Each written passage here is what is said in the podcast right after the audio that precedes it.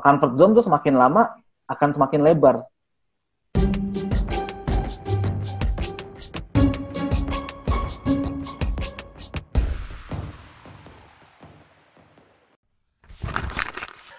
Halo, Halo teman-teman. teman-teman, balik lagi di podcast kita, podcast namanya Uang. Uang lecek. Ya, masih lecek kan, belum belum setrika ya. Masih masih masih lecek. Jadi kita, Hmm, jadi kita akan membawakan eh, topik-topik yang positif tapi eh, dengan gaya yang lecek. dengan gaya lecek betul betul, dengan sesuai visi misi kita di awal. Yes. Nah hari ini kita mau ngobrolin sama Vin. Jadi eh, kemarin ada seribu orang yang request bahwa kayaknya konten Seribu kita ya? harus di harus di ah, seribu harus di ini harus di eh, di lebih lebih dalam gitu, lebih membahas hal-hal yang bermanfaat ya. Mm-mm, betul. Gue juga sependapat, Bill. Jadi Ya. setelah kemarin kita kan ngebahas sesuatu tentang horor ya, sama Hmm. teman kita dari zaman. Nah, mereka sekarang request mau kita sesuatu yang berbobot. Oke. Nah, dan kebetulan kita udah tentuin nih hari ini topik kita itu masih ada hubungan dengan yang minggu lalu, bukan minggu lalu, dua minggu lalu ya, Dua minggu lalu. yang Ya. tentang produktif di masa karantina, masa PSBB. Nah, jadi langsung aja kali ya. Boleh. Kita hari ini mau ngebahas tentang zona-zona yang ada di uh, kehidupan kita, Bill. Apa friend zone? Satu-satu, satu-satu. Oh. Nah, dari sejauh sejauh ini gue menemukan tiga zona, Bill. Yang pertama Oke. zona yang bikin kita happy. Yang Oke. kedua zona normal. Oke. Yang ketiga zona yang gak enak. Nah, Iya. yang pertama, yang pertama ini zona yang enak. Itu namanya time zone. Lu tahu time zone ya? Ah, no. Ya, Oke. tempat oke. bermain. Nah, time zone. Ini out, ini out of script ya? Out of script, out of script. Terus, terus, oke. Yang kedua, yang tadi yang kita tahu comfort zone. Ini zona-zona nyaman. Jadi zona normal lah. Banyak orang yang punya comfort zone. Nah, yang ketiga seperti yang lu bilang yang gak enak, friend zone. Friend zone. lu udah PDKT lama-lama cuma jadi friend zone. ada juga ada ada juga ini apa, zona yang bikin seger. Hah, apa tuh? Bin? My zone. Oh, my. boleh, boleh, boleh, boleh. Udah lecek lagi. ya, boleh, benar, benar. Tapi kita nggak akan bahas my zone atau time zone atau friend zone. Atau mungkin Hmm. nanti kali ya. Sekarang Nanti, kita nanti. topik comfort zone-nya dulu. Oke. Mungkin boleh dimulai dari Bos Billy. Apa itu definisinya comfort zone sih buat orang yang nggak tahu? Comfort zone itu adalah eh, zona nyaman. Udah, titik ya? Titik. Nah, zona nyaman ini kebanyakan orang-orang kenapa bilang zona nyaman? Karena memang eh, kan setiap orang tuh dib- dibentuk dari kebiasaan kan. Kita punya kebiasaan-kebiasaan tertentu yang selama ini kita bi- bisa eh, yang membuat kita nyaman. Dan biasanya nih kalau orang-orang bilang comfort zone, oh lu comfort zone, eh, comfort zone lu ini apa nggak bikin lu produktif gitu. Jadi itu kayak banyak yang bilang comfort zone itu adalah kegiatan yang karena terbiasa kita lakukan akhirnya jadi ya hidup kita jadi biasa gitu nih. Jadi kayak ah gue nggak biasa, ah gue nggak bisa lah. Jadi kayak comfort zone. Jadi zona-zona yang membuat kita ya di situ-situ aja nggak ke mana-mana gitu. Betul. Jadi kadang karena kita merasa di satu sisi kita sudah menguasai itu, kita udah terbiasa sama itu, kita tahu misalkan Hmm. ada masalah seperti ini kita harus gimana. Akhirnya kita udah nyaman. Ya benar, Kita kita nggak mau nggak terbiasa hidup dengan ketidakpastian. betul sekali. Ya, Nah, sebetulnya kayak di, di kondisi kayak gini juga kita terpaksa harus keluar dari comfort zone ya, nggak, Vin? Iya ini sebenarnya udah di luar comfort zone. Iya di luar comfort zone. Iya. Tapi ada orang-orang yang tetap memilih untuk stay dalam comfort zone. Oh iya, ada Uh-uh. ada contohnya nggak Bill kayak gimana? Ya banyak, misalkan contoh sekarang kan kita uh, WFH kan, semua kerja dari rumah. Hmm. Nah banyak orang yang mungkin pekerjaannya tidak bisa WFH dan uh, akhirnya uh, ketika WFH seperti ini, jadi dia nggak punya inovasi, males bir- males mikir dan akhirnya ya karena dia nggak mau keluar dari comfort zone-nya dia, Nah, Iya. malah bukannya sekarang hidupnya di situ-situ aja, malah sekarang ya kondisi seperti sekarang dengan perubahan besar yang terjadi, dia malah mundur oh gitu. bukannya berkembang malah mundur ya terjadi kemunduran. Nah, Iya betul juga. Ya sejujurnya gue merasakan sih Bill yang namanya kerja di rumah tuh apa ya efek efektivitasnya itu berkurang banget. Iya makanya gitu. Banyak Kan lu, lu, lu, lu pun harus melakukan inovasi kan. Gue juga sama. Gue gue bisnisnya offline kan. Harus melakukan banyak inovasi. Gitu. Betul, betul. Harus Inovasi. keluar dari kebiasaan ya kebiasaan yang yang kita yang biasanya kita nyaman lakukan. Betul. Berarti ini berarti ada faktor lain juga sebenarnya yang kadang-kadang bisa memaksa kita keluar dari comfort zone. Kayak misalkan sekarang ini virus corona ya enggak. Ya. Kita dulu kayak misalkan anggaplah lu dulu udah terbiasa dengan bisnis yang lu dulu misalkan IO dan ada showroom, ada workshop. Nah sekarang kondisi begini kan lu terpaksa harus fokusin satu yang benar-benar bisa jalan dan lu maksimalkan di situ ya enggak. Iya benar-benar. Mm-mm, Mau nggak mau kan gitu. Jadi makanya tadi kayak keluar dari comfort zone pun ada banyak alasannya. Satu sisi karena lu kepepet ya. Tapi banyak orang juga udah kepepet tapi nggak mau nggak mau keluar dari comfort zone.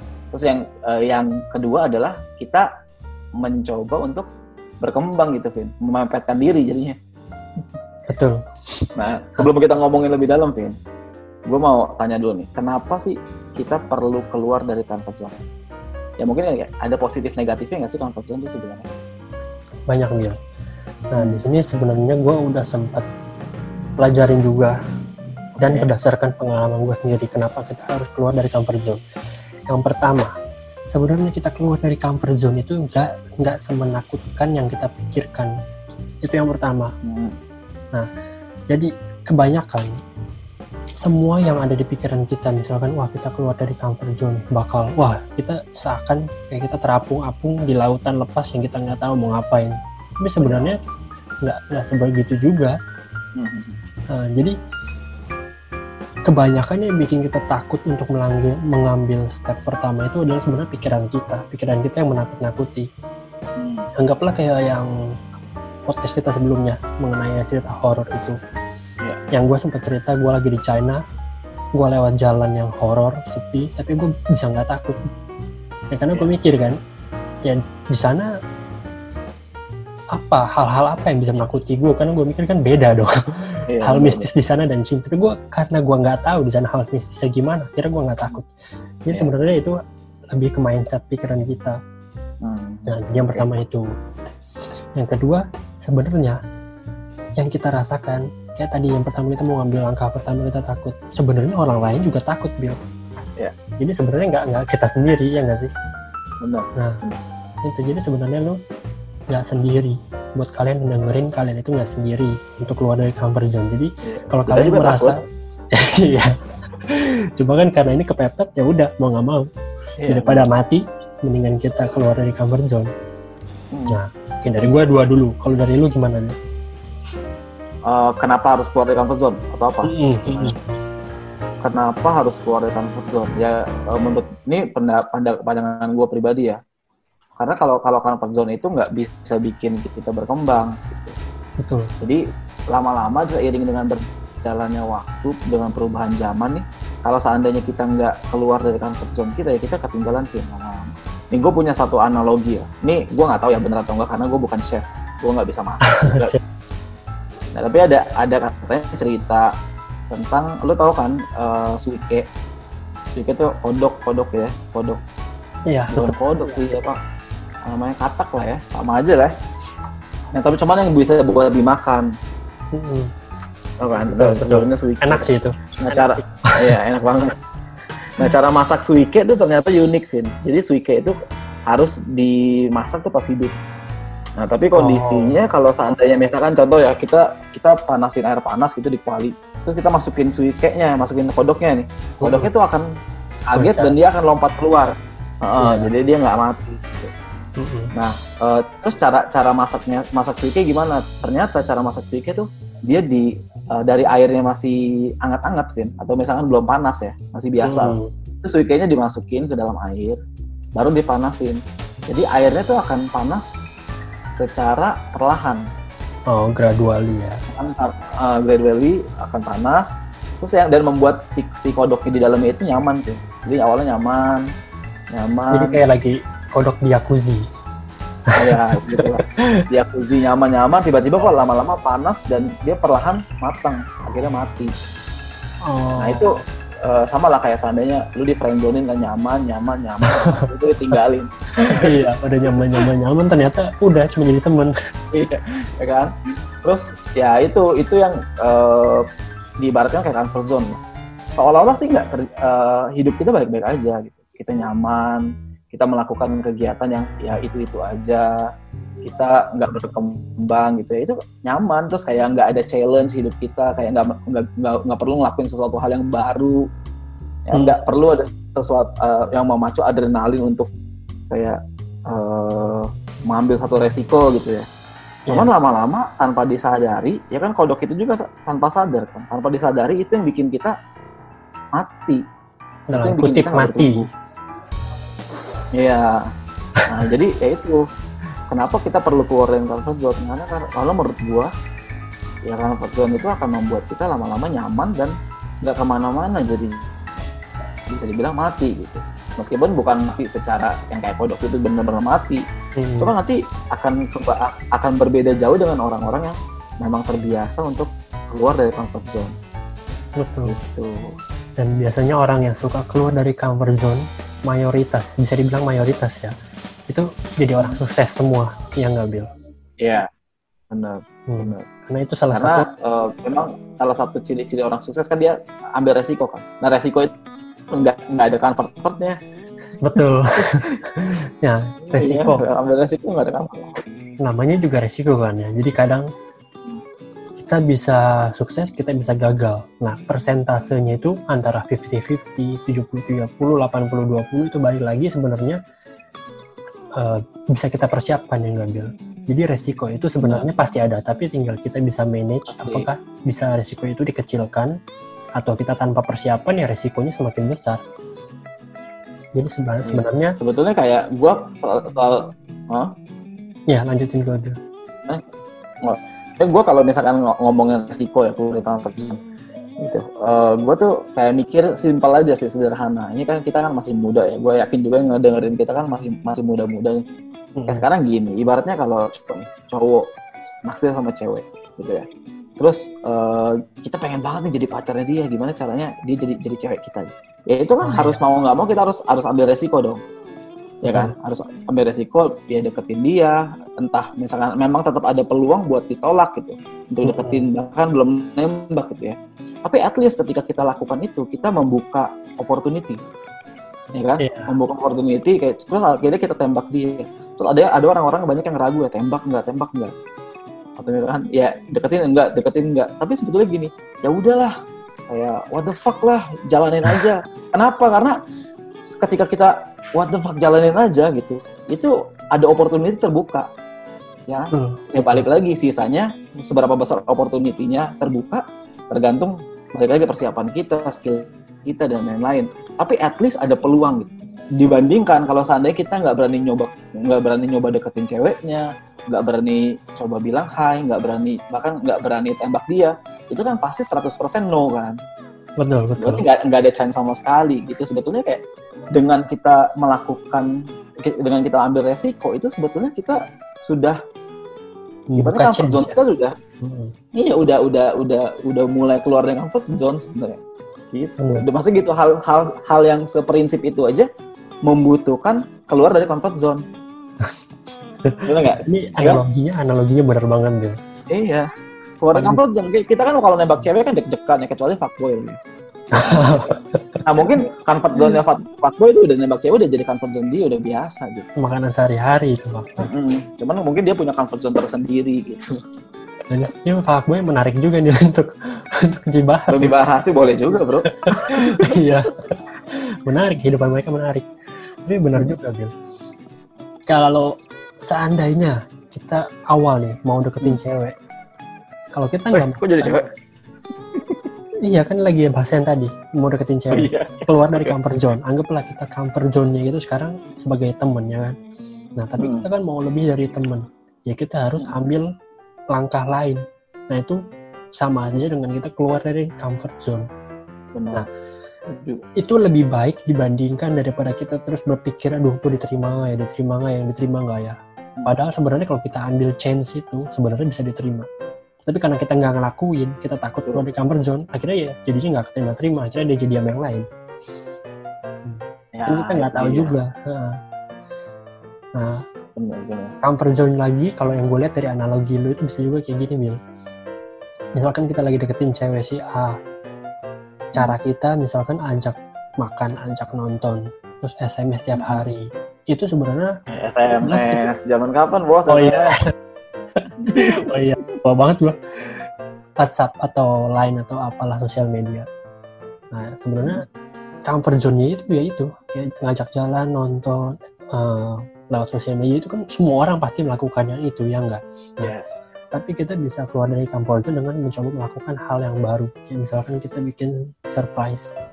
Atau Hmm. misalkan kita tiba-tiba datang ke rumah dia bawain makanan. Atau misalkan banyak lah. Kalau gue ajarin nanti topiknya jadi beda Iya, Bukan, bukan. how to get a woman in in one week gitu ya.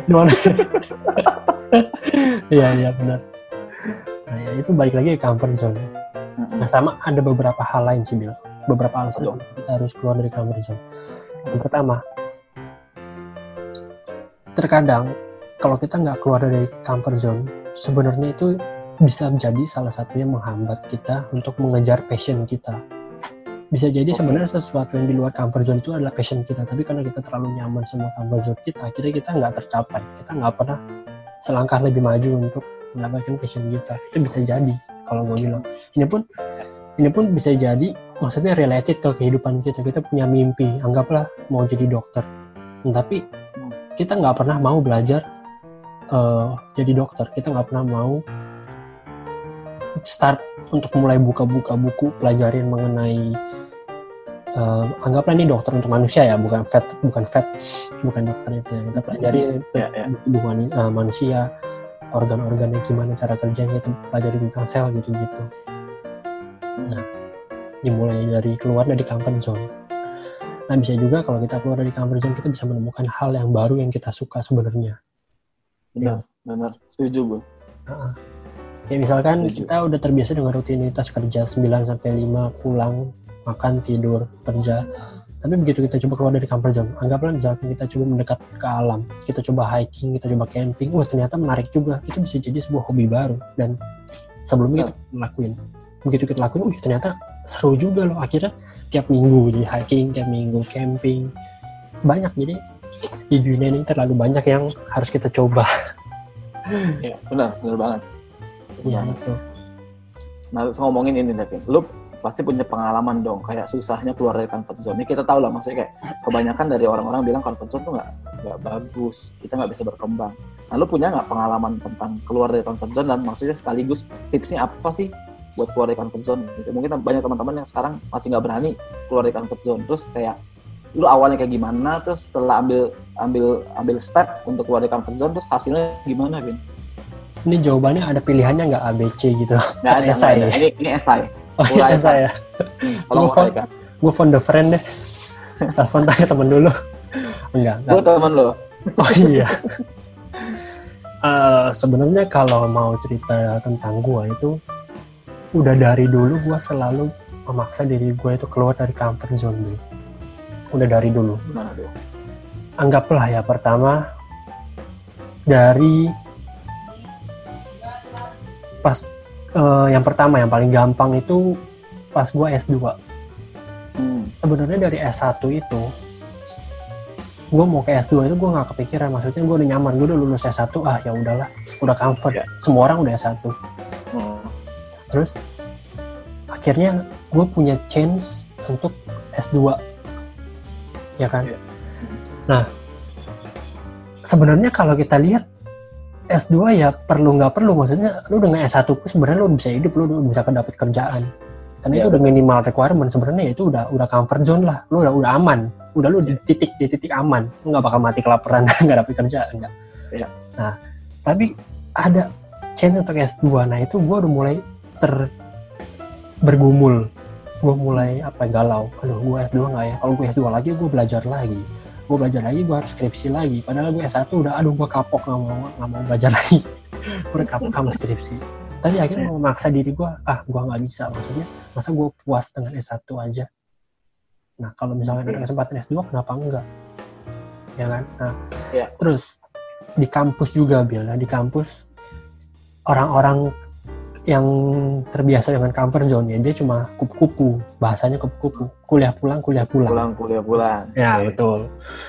Nah tapi gue memaksa kembali lagi gue memaksa diri gue ah gue rutinitas begini bosen. Akhirnya gue masuk organisasi gue masuk perhimpunan untuk eh, fakultas gue fakultas dulu gue kan IT gue masuk himpunan mahasiswa IT itu. Akhirnya gue belajar berorganisasi.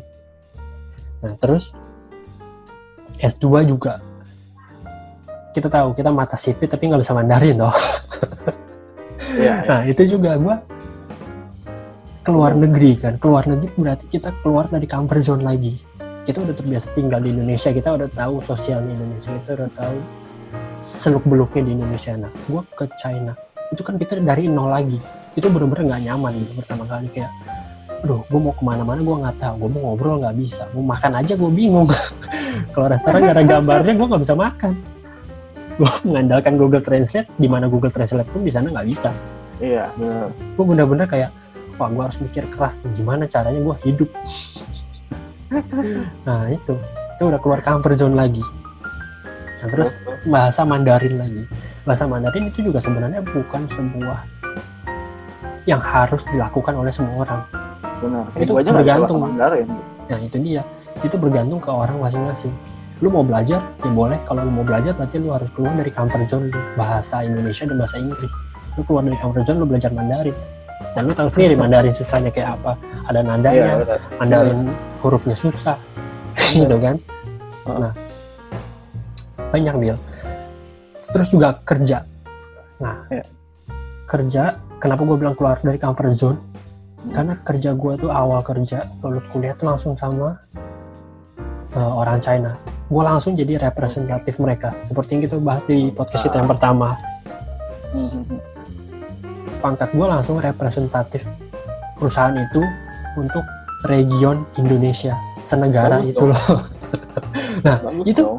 itu loh, maksudnya kalau orang nggak berpikir untuk keluar dari comfort zone Bill menerima beban tanggung jawab seperti itu awal dari awalnya aja mereka pasti udah aduh gila gue baru lulusan kuliah langsung jadi representatif mereka di Indonesia Iya, se Indonesia itu benar-benar benar-benar memaksakan diri banget nih pasti. nah itu dia banyak Dan maksudnya gini, pas lu ambil keputusan ya udah gue harus keluar dari comfort zone nih. Toh maksudnya sekarang gue udah bisa ngeliat hasilnya juga dari lu gitu kan. Sekarang lu bisa bahasa Mandarin ya kan. Mm-mm. Coba kalau seandainya lu nggak ambil keputusan, lu nggak bisa karena nggak bisa bahasa Mandarin. Terus kedua, da- karena lu bisa bahasa Mandarin itu lu lu sekarang jadi punya posisi yang enak kan lu bisa jadi representatif dari penghubung dari or- orang orang China sama sama market sini juga gitu kan. nah itu Dan maksudnya gue tahu juga lu bis, lu bisa dapat partner orang China juga sekarang kan. betul Lu bisa dapat partner bisnis orang China juga. Maksudnya kayak betul what if kalau seandainya waktu itu lu nggak nggak putuskan udahlah gue nggak ambil resiko lah gue nggak usah. Ngapain bahasa Inggris bahasa Indonesia cukup lah menurut gue gitu kan? Lu nggak nggak bisa Iya. seperti sekarang gitu kan? Betul betul. Nah makanya baik lagi seperti yang tadi kita bahas pas kenapa kita harus keluar dari comfort zone. Karena sebenarnya itu nggak nggak men- menakutkan seperti yang kita pikirkan. Ya, Hmm. mungkin negatifnya kita harus sedikit mengeluarkan effort lebih. Tapi di Ya. sisi plusnya ternyata lebih banyak kalau gue nggak keluar dari sana gue cuma S1 S1 programmer oke lah gue ngambil ngambil project program udah gue sampai sekarang masih program mata gue udah sumbab kali hitam tebel begadang mulu Ya. Nah, tapi karena gue keluar dari sana, akhirnya posisi gue bisa berubah. Sekarang gue bisa jadi semi businessman. Business- businessman, Nah. iya. Kalau dulu gue pasti jadi karyawan. Sampai Benar. sekarang pun gue pasti masih karyawan. Nah itu sebenarnya yang kita nggak tahu. Jadi eh, semacam surprise buat kita, buat diri kita sendiri yang sebenarnya bisa dapat lebih. Kalau kita berani keluar comfort zone. Benar. dan mungkin kita juga nggak akan nyambung kan Vin kayak gue kan bisnis banget lu kan ini Nah itu kalau kalau misalkan seandainya lu nggak nggak sekarang nggak nggak semi semi bisnis kan ya kita mungkin ngomong nggak akan nyambung dan Itu programnya nggak akan nggak akan ada juga gitu kan. betul. Kita nggak akan ada di sini, nggak ada namanya uang lecek. iya makanya terus kayak Makanya. kita nggak bisa nggak bisa pikirin satu project yang mau kita jalanin nanti juga kan Betul. Nah ini sebenarnya uang lecek ini juga sebenarnya salah satu langkah kita untuk keluar dari comfort zone, Bill. benar benar Iya kan?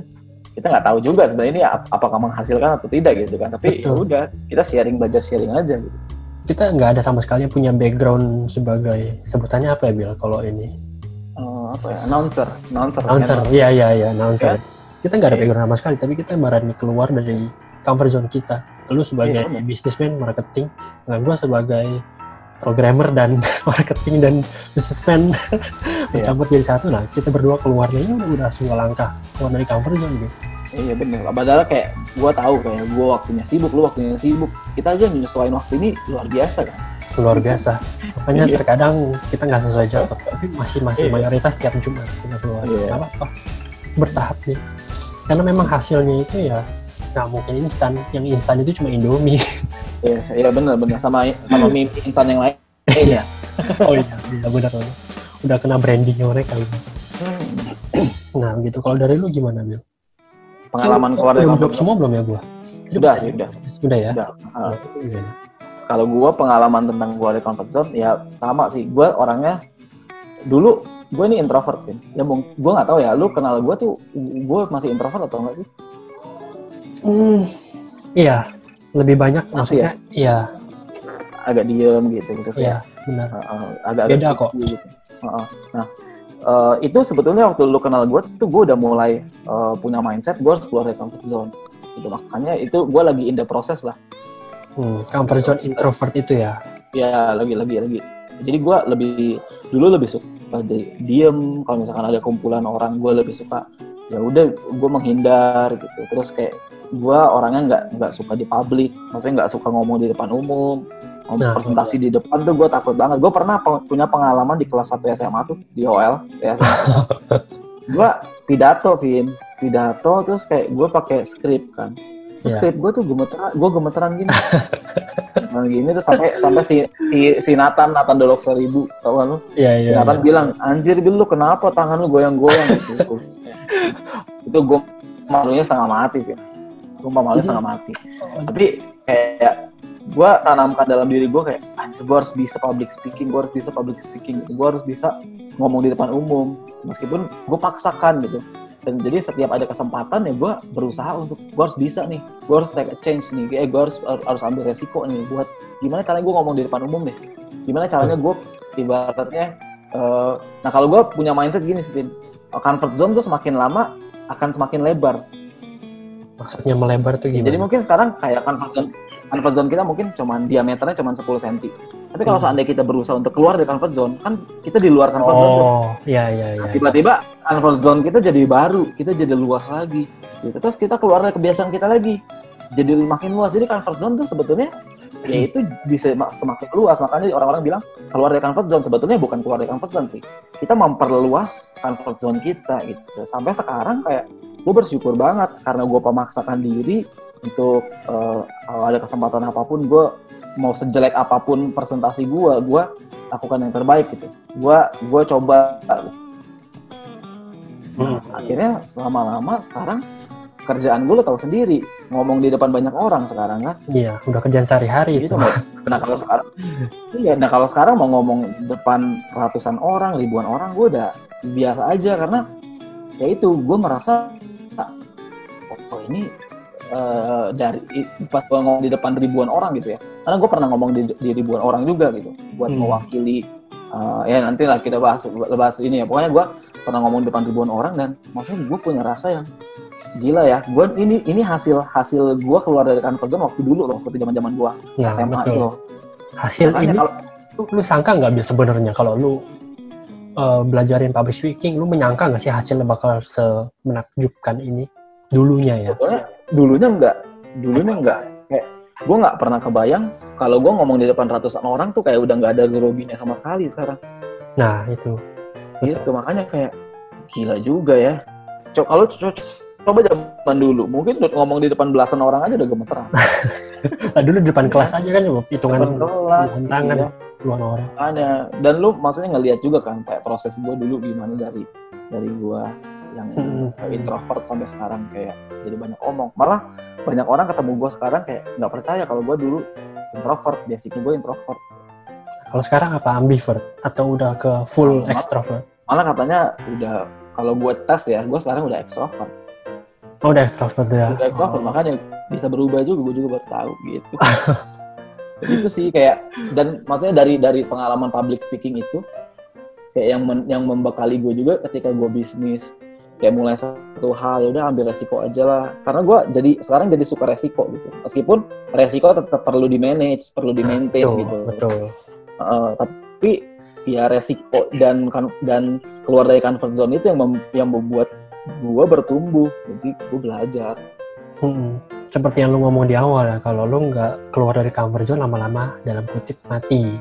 Matinya itu Nah. lu nggak bertumbuh itu ya. Nah Apalagi dengan dunia kita sekarang yang pertumbuhannya, perkembangannya cepet banget. Kalau kita Iya. nggak ngikutin dengan perkembangan dunia ini ya, kita kutip lagi mati. Ya benar. sama satu Vin gue Iya. gue dulu kan dari dulu kan suka jadi suka bisnis kan terus kayak gue bisnis udah punya penghasilan lumayan gitu ya terus gue ada baca-baca tentang invest investasi gitu gue pikir ah gue ngapain investasi lagi oh maksudnya bisnis gue udah lumayan jalan kok Hmm, gitu ngapain gue belajar lagi investasi? Ngapain gue kayak mengembangkan aset gue lagi gitu. Awal-awalnya gue pikir gitu tapi Karena udah comfort ya dengan Karena udah convert kayak udah, udah gue udah punya hasil gini. Tapi pas begitu sekarang gue merak gue belajar waktu itu akhirnya gue yaudah lu gue belajar lah keluar dari zona nyaman gue keluar dari kebiasaan gue akhirnya malah sekarang investasi gue kepake banget. Malah eh, bisnis sekarang bisnis bermasalah kan. Mm-mm, itu yang semua. menghidupi gue investment gue nah coba kalau seandainya gue dulu nggak ambil nggak ambil investment wah sekarang mungkin gue udah nggak bisa ngomong apa kali pusing gue Iya iya benar-benar. iya Sebenarnya lu bisa bayangin gak Bil? Ini biar orang tahu, orang bisa bandingin ya. Ya. Kalau misalkan dulu, lu kan masih takut public speaking. Kalau misalkan dulu lu nggak belajar untuk cara public speaking, public speaking gimana cara memanage diri lu. Kira-kira sekarang lu jadi apa? Lu bisa bayangin gak? Gue nggak tahu ya gue nggak bisa bayangin. Mungkin gue mungkin kerja ya kerja. Mungkin gue kerja jadi jadi apa ya? Gue juga bingung. Apa? Mungkin dengan jadi- kehidupan rutinitas kayak orang kantoran biasa kali ya, 9 5 pulang, tidur. iya mungkin. Gitu. ya nggak ada salahnya sih. Mungkin gue bisa jadi uh, accountant gitu kan atau misalnya gue bisa jadi bank banking banker gitu kan.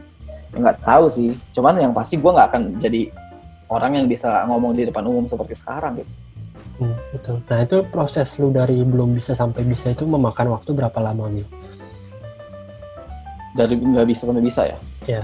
sebetulnya kalau di awal-awal tuh paling 2-3 tahun tuh udah lu udah bisa ngerasain manfaatnya maksudnya udah ngerasain perubahannya gitu karena waktu dulu kan kelas 1 gue putuskan kelas 1 SMA gue putuskan untuk eh, gue harus bisa public speaking nih pas gue mas zaman masuk kuliah tuh presentasi gue udah lumayan Hmm, Hmm, cara presentasi Iya, gue udah, udah lumayan kan dulu di zaman zaman kuliah kan sering presentasi tuh iya. Nah, benar. jadi gue presentasi udah lumayan cara cara presentasi gue udah lumayan udah udah oke gitu. Cuman semakin lama semakin lama jadi semakin expert aja sih. Gitu. Udah bisa menghandle ya. Iya, kalau dari dari gue putuskan keluar dari comfort zone gue kan satu SMA itu kurang lebih umur 15 tahun ya. SMA tuh. Iya. SMA dulu 18 19 di antara itu. Ya kan 15 tahun. Nah, Iya. 15. Eh, iya 15 tahun. 15 tahun sekarang 27. Berapa tahun tuh berarti? 12. 12 tahun. Nah, udah 12 tahun sekarang jadi kayak gini. Ya kalau seandainya misalkan contoh nih yang de- lagi dengerin podcast kita dulu takut nih ngomong di depan umum. Mm-mm. Udah lakuin aja. Menurut gua eh, cara paling tepat adalah lakukan apa yang lu Betul. takutkan, lakukan Betul. Gitu. Kalau lu lu nggak lakuin lu nggak akan tahu. Dan misalkan gagal ya nggak apa-apa. Coba lagi. Gagal nggak apa-apa. Lama-lama semp- lama-lama sempurna kok. Nah, itu. Bicara soal gagal ya. Hmm. Gua ada satu quote. Nah, tapi ini gua gua kurang paham ini quote dari mana soalnya kan di internet banyak tuh ya bertebaran Iya. quote. Nah, ini quote-nya bilang gini. Definisi gagal itu sebenarnya kalau lu udah berhenti mencoba. Jadi selama lu melakukan hal yang baru, tapi lu eh, salah, hasilnya nggak efektif. Hmm. Nah, tapi kalau lu memutuskan untuk mencoba lagi, itu namanya lu belum kalah, lu belum gagal. Gagal itu ketika lu sudah stop mencoba, itu lu baru gagal. Nah, itu akhirnya salah satu jadi motivasi yang buat gue jadi keluar comfort zone itu juga gitu. Setuju sih. Gue setuju banget. Nah, itu dia. Setuju banget. Iya. Makanya yang nggak tahu, mungkin lu masih inget di podcast kita awal-awal, gue pernah bilang, gue tuh banyak belajar dari quote-quote karena Hmm. ya kayak gini kayak anggaplah quote yang kayak gini ini bukan orang yang ngomong quote yang ngomong Iya. iya. gue baca akhirnya gue termotivasi ke diri gue sendiri gue tanamin ke dalam diri gue sendiri ah iya benar juga soalnya kan Hmm. kalau kita nggak baca quote ini kalau gue dulu nggak baca quote ini akhirnya mindset gue dulu berpikir gue melakukan eh, sesuatu terus hasilnya nggak nggak efektif jelek lah terus gue Ya. mikir aduh gue udah kalah nih gue udah gagal nih hasil ternyata jelek tapi karena gue udah baca quotes tersebut akhirnya gue bilang ah enggak ini gue belum gagal. Gue Hmm. coba lagi ya. Sampai akhirnya gue mencapai hasil yang gue targetkan. Ya, kalau ada ya gue pernah dengar juga sih katanya nggak ada sebenarnya nggak ada kata gagal. Yang ada adalah lu berhasil atau lu belajar. Nah itu. Jadi- itu juga bisa benar. Ya yang ada adalah lu berhasil oke. Kalau- kalau nggak bisa lu nggak berhasil ya berarti lu belajar. Tapi kadang ada yang keledai juga bilang jatuh di lubang sama nah nah itu. Nah itu. Iya iya iya. jangan sampai jadi keledai juga sih kita belajar. Kayak dulu gue ingat ingat ketika gue pertama kali misalkan public speaking gitu ya. Eh gue menemukan bahwa diri gue tidak bisa memegang skrip. Skrip skrip maksudnya? kertas kertas. Oh. Jadi gue tidak pernah bisa presentasi ketika gue tulis narasi gitu segitu banyak gue baca. Nggak bisa. Gue jadi harus bikin poin-poin.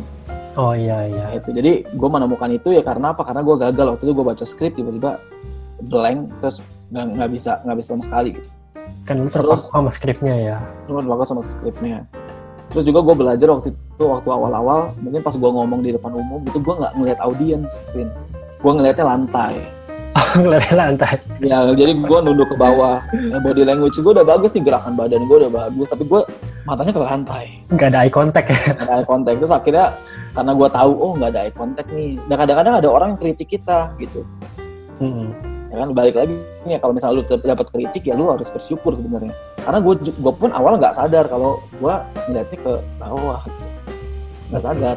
Tapi lama-lama akhirnya ketika gue ngomong lagi di depan umum, gue berusaha semaksimal mungkin gimana caranya lihat audiens. Hmm. Lama-lama sempurna jadinya. Nah dulu mungkin apa yang lu pikirin dengan yang kita teman-teman kita dengerin podcast kita ini mungkin yang dipikirkan sama. Dulu yang lu takutkan itu apa Bil? Waktu lu nggak berani ngeliat audiens. takut ya takut grogi gimana sih grogi Takut karena kayak, grogi ya. oh, tuh kayak misalkan ada orang-orang mungkin yang kayak kadang-kadang kan eh, orang bisa bisa berekspresi lewat muka gitu kan kayak merespon Oh, iya. lewat muka gitu kalau misalkan ada kata-kata gue yang salah atau apa tiba-tiba muka mereka kok fals Oh iya iya. Eh, ya kan kayak gitu Iya iya. Nah sekarang apakah sekarang banyak apa nggak ada orang yang mukanya fals ada Vin sekarang ada itu kan itu kan terserah itu kan respon mereka tapi yang bisa gue lakukan kalau gue salah ya gue ngejayus aja di depan Oh lo bisa jahit sekarang ya? udah bisa jayus karena kayak ya udah udah karena udah biasa Iya iya benar. Itu namanya skill beradaptasi. ya. iya Jadi kalau kayak lu melakukan sesuatu yang aneh, ya udah lu enjoy aja. Mm, mm, mm, mm. kalau orang lain nggak peduli ya bodo amat ya orang lain nggak suka gue nggak peduli juga gitu Malah kadang audiensnya bisa disindir ya nggak? Ih, bisa gue sindir orang gue Iya. yang punya gue yang punya panggung gue punya mic lu dia nggak punya mic kan Iya benar. benar benar. iya Nah itu dia. Makanya balik lagi sebenarnya comfort zone itu kalau dari berdasarkan pengalaman kita ini nggak ada jelek-jeleknya ya bila. benar benar setuju banget. jadi buat teman-teman yang misalkan takut takut eh, ambil keputusan untuk melangkah gitu untuk dari comfort zone ya, saran gue sama Kelvin sih lakuin aja itu paling efektif adalah lakuin apa yang lu takutkan nanti satu hari lu akan bersyukur dengan tindakan lu yang waktu itu Ih bukan ya pasti akan bersyukur. pasti pasti pasti Dan akhirnya lu punya suatu cerita yang bisa diceritakan kayak kita cerita sekarang. Ah coba dulu Nah. gua nggak gini. coba dulu gua nggak gini. Pasti nggak akan Iya. begini. Ya, siapa tahu kalian karena itu jadi bikin podcast sendiri. ah iya iya iya Tapi benar benar. oke Vin Eh, poin yang lu bilang tadi itu benar gue juga sama seperti cat- cat- eh, catatan gue. Jadi caranya yang paling efektif itu ya lakukan. Just do it kayak Nike bilang. Just do it. Nah tapi Heeh. just do it ini lagi perlu didetailkan lagi. Kalau misalkan kalian nggak berani langsung ngambil langkah besar, kalian bisa pelan-pelan kayak ambil langkah kecil step by step itu. Mm. Karena mungkin ada beberapa orang yang uh, nggak seberani orang-orang di luar sana yang langsung ke, apa out of comfort zone itu langsung yang benar-benar 180 derajat. Nggak apa-apa Justru, pelan-pelan justru memang pelan-pelan sih. Justru memang pelan-pelan. iya betul balik lagi mungkin ke mental yang udah mereka bikin ya kan keluar dari Ya, terus mungkin Heeh. Mungkin gini apa kayak ketika lu misalkan lu lu contoh ya kalau gue suka ngelakuin self talk namanya gitu. Kayak gue ngomong sama diri gue sendiri. Kalau misalkan gue lagi melakukan perbuatan-perbuatan yang menurut gue ini di luar kebiasaan gue dan gue udah udah melakukan yang terbaik. Terus gue akan bilang sama diri gue sendiri, ya, lu udah melakukan yang terbaik, lu hebat. motivasi diri sendiri ya Motivasi diri sendiri. Kayak, meskipun hasilnya nggak sempurna ya lu udah melakukan yang terbaik, lu hebat. betul betul Gitu. introspeksi diri Nah, betul betul banget luar biasa Oke. luar biasa berbobot sekali ya pembahasan hari ini. nggak apa-apa biar biar seperti yang kita bilang di awal dengerin podcast kita ini ada nilainya jadi kita Benar. dengerin dengerin 30 menit 40 menit nggak akan buang-buang waktu kita bagikan bagikan secara gratis lagi Iya. Ngomong-ngomong, Vin, bobot, bobot tuh yang ini kan, yang mesin terus kayak bentuknya orang gitu. Robot Oh, robot. Bill gua nggak tahu Bill mau ngapain lagi skill Jais Bill sudah tidak terasa Ayo ngomong apa? Ngomong apa? Ayo, robot. yang gua kepikiran cuma satu tuh kursi lu di belakang plastiknya robot Robek. oh robek masih bisa dijawab masih bisa terjangkau lah ya ya ya Ya udah, kita tutup aja podcast kita di episode kali ini. Ya, jadi eh, buat teman-teman bisa follow eh, Spotify kita, bisa follow kita juga di Instagram. Instagram kita apa namanya, Vin? At gua ngecek podcast Ulang Lecet Podcast. Ya, followernya kemarin udah 29 ribu kalau nggak salah dua puluh ribu ya teman-teman pastiin juga ya follow di sana gitu. Nah, kalau misalnya teman-teman mau ada sesuatu yang bisa, eh, mau dibahas ya boleh DM kita boleh gitu. Banyak. Dan kita berusaha untuk Hmm. Ya kita berusaha juga untuk menyajikan konten-konten yang tetap bermanfaat tapi dibawakan dengan cara yang santai seperti ini. santai betul Yo, karena dunia ini terlalu terlalu berat untuk ngomongin hal yang berat dan dengan cara yang berat. iya itu dia Iya. Oke, Vin. oke aja dari kita. Hmm. jangan lupa dengerin terus uang ngecek podcast kalau nggak ada hambatan setiap Jumat kita upload Ya, kita berusaha semaksimal mungkin ya. Setiap Jumat. Oke thank you semuanya. Bye-bye. bye bye